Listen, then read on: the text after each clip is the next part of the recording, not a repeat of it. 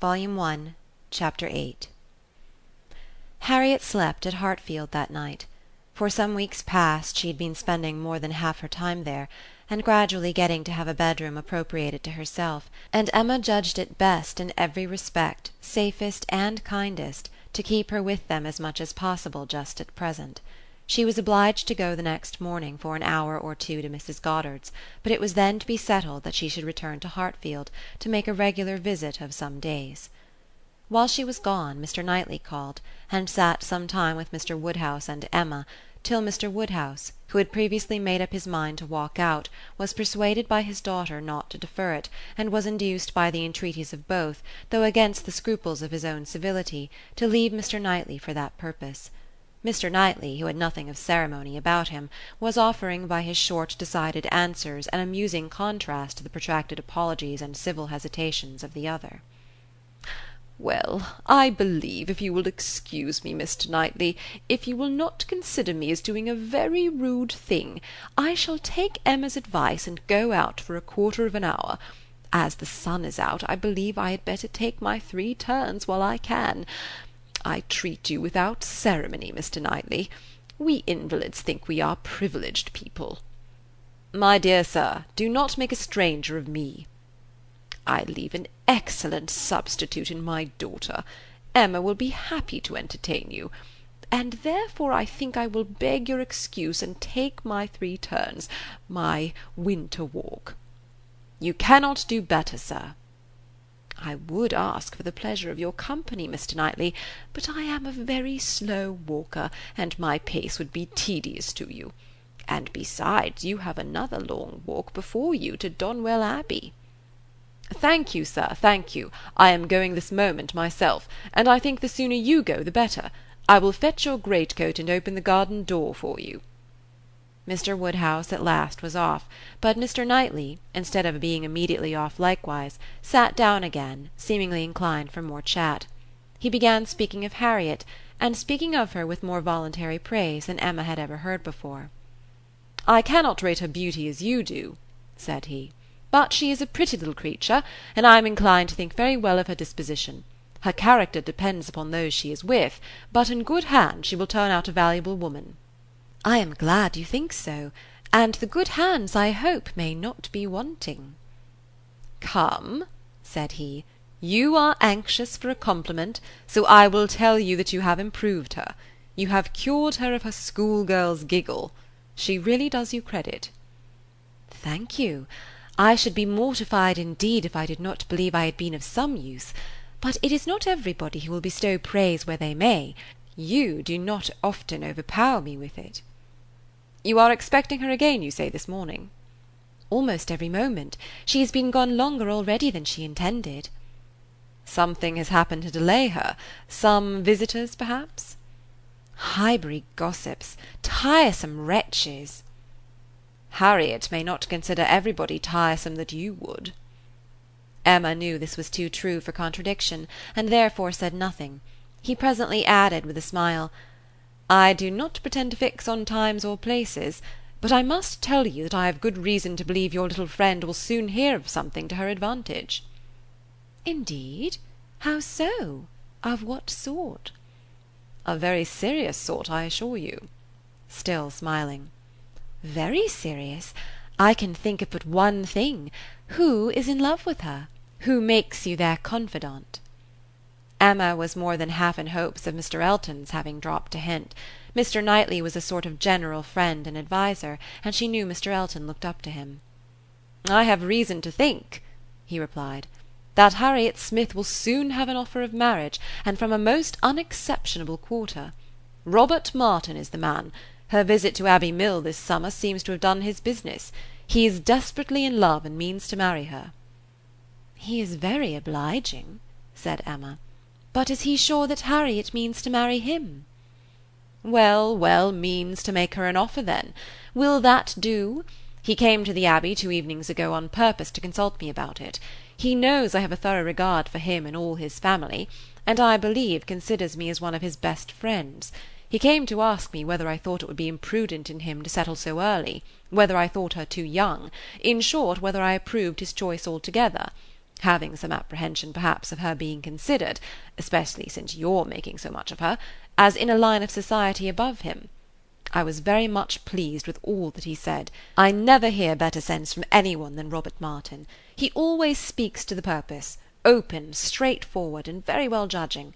He told me everything, his circumstances and plans, and what they all proposed doing in the event of his marriage. He is an excellent young man, both as son and brother.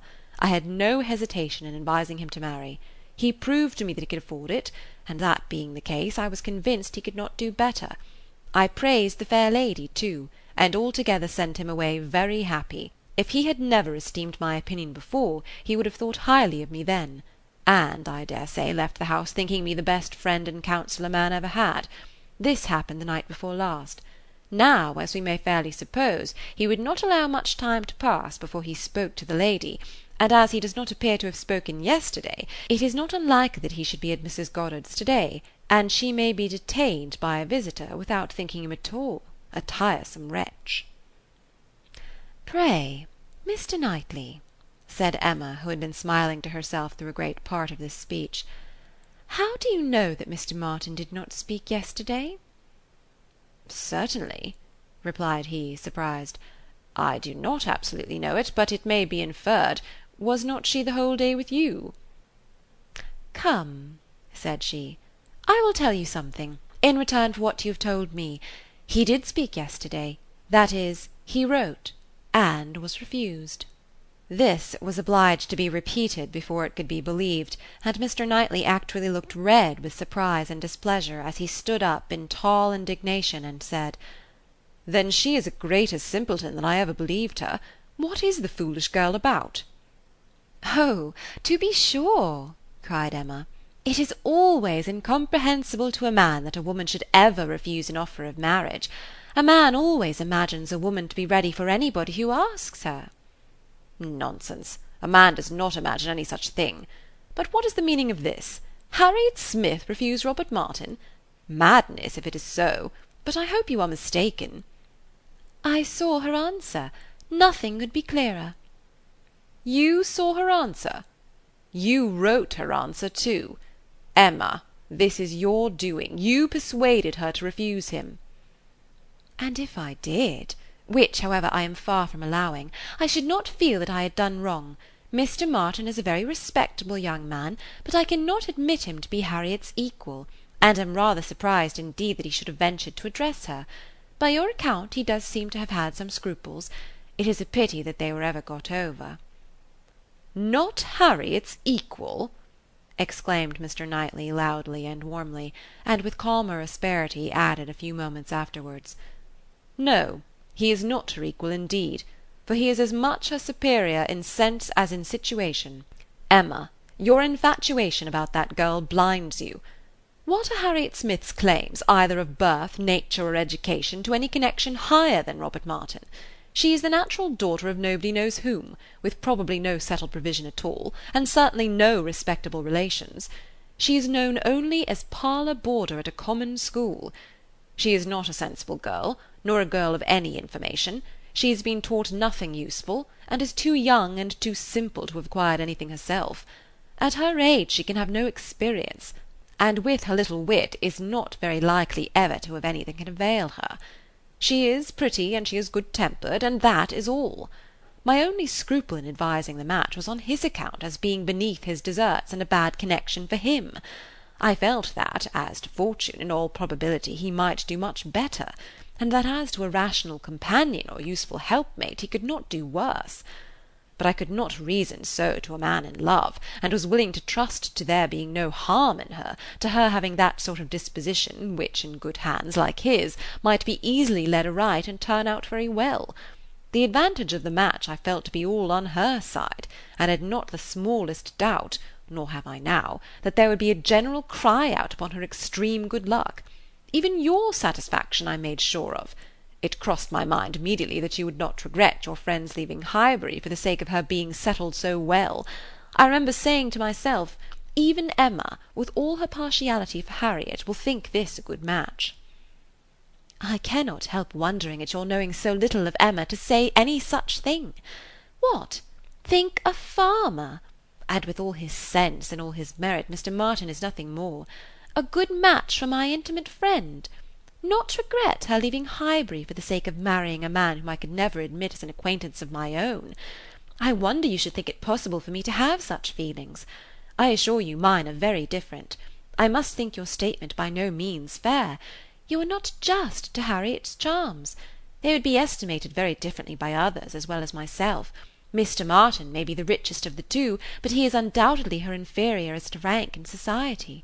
The sphere in which she moves is much above his. It would be a degradation." "A degradation to illegitimacy and ignorance to be married to a respectable intelligent gentleman farmer." As to the circumstances of her birth, though in a legal sense she may be called nobody, it will not hold in common sense. She is not to pay for the offence of others by being held below the level of those with whom she is brought up. There can scarcely be a doubt that her father is a gentleman, and a gentleman of fortune. Her allowance is very liberal, nothing has ever been grudged for her improvement or comfort. That she is a gentleman's daughter is indubitable to me. That she associates with gentlemen's daughters, no one, I apprehend, will deny. She is superior to Mr. Robert Martin." "Whoever might be her parents," said Mr. Knightley, "whoever may have had the charge of her, it does not appear to have been any part of their plan to introduce her into what you would call good society. After receiving a very indifferent education she is left in Mrs. Goddard's hand to shift as she can; to move, in short, in Mrs. Goddard's line, to have Mrs. Goddard's acquaintance. Her friends evidently thought this good enough for her, and it was good enough; she desired nothing better herself till you chose to turn her into a friend, her mind had no distaste for her own set, nor any ambition beyond it. She was as happy as possible with the Martins in the summer; she had no sense of superiority then. If she has it now, you have given it. You have been no friend to Harriet Smith, Emma. Robert Martin would have never proceeded so far if he had not felt persuaded of her not being disinclined to him. I know him well; he has too much real feeling to address any woman on the haphazard of selfish passion. And as to conceit, he is the farthest from it of any man I know. Depend upon it, he had encouragement." It was most convenient to Emma not to make a direct reply to this assertion. She chose rather to take up her own line of the subject again.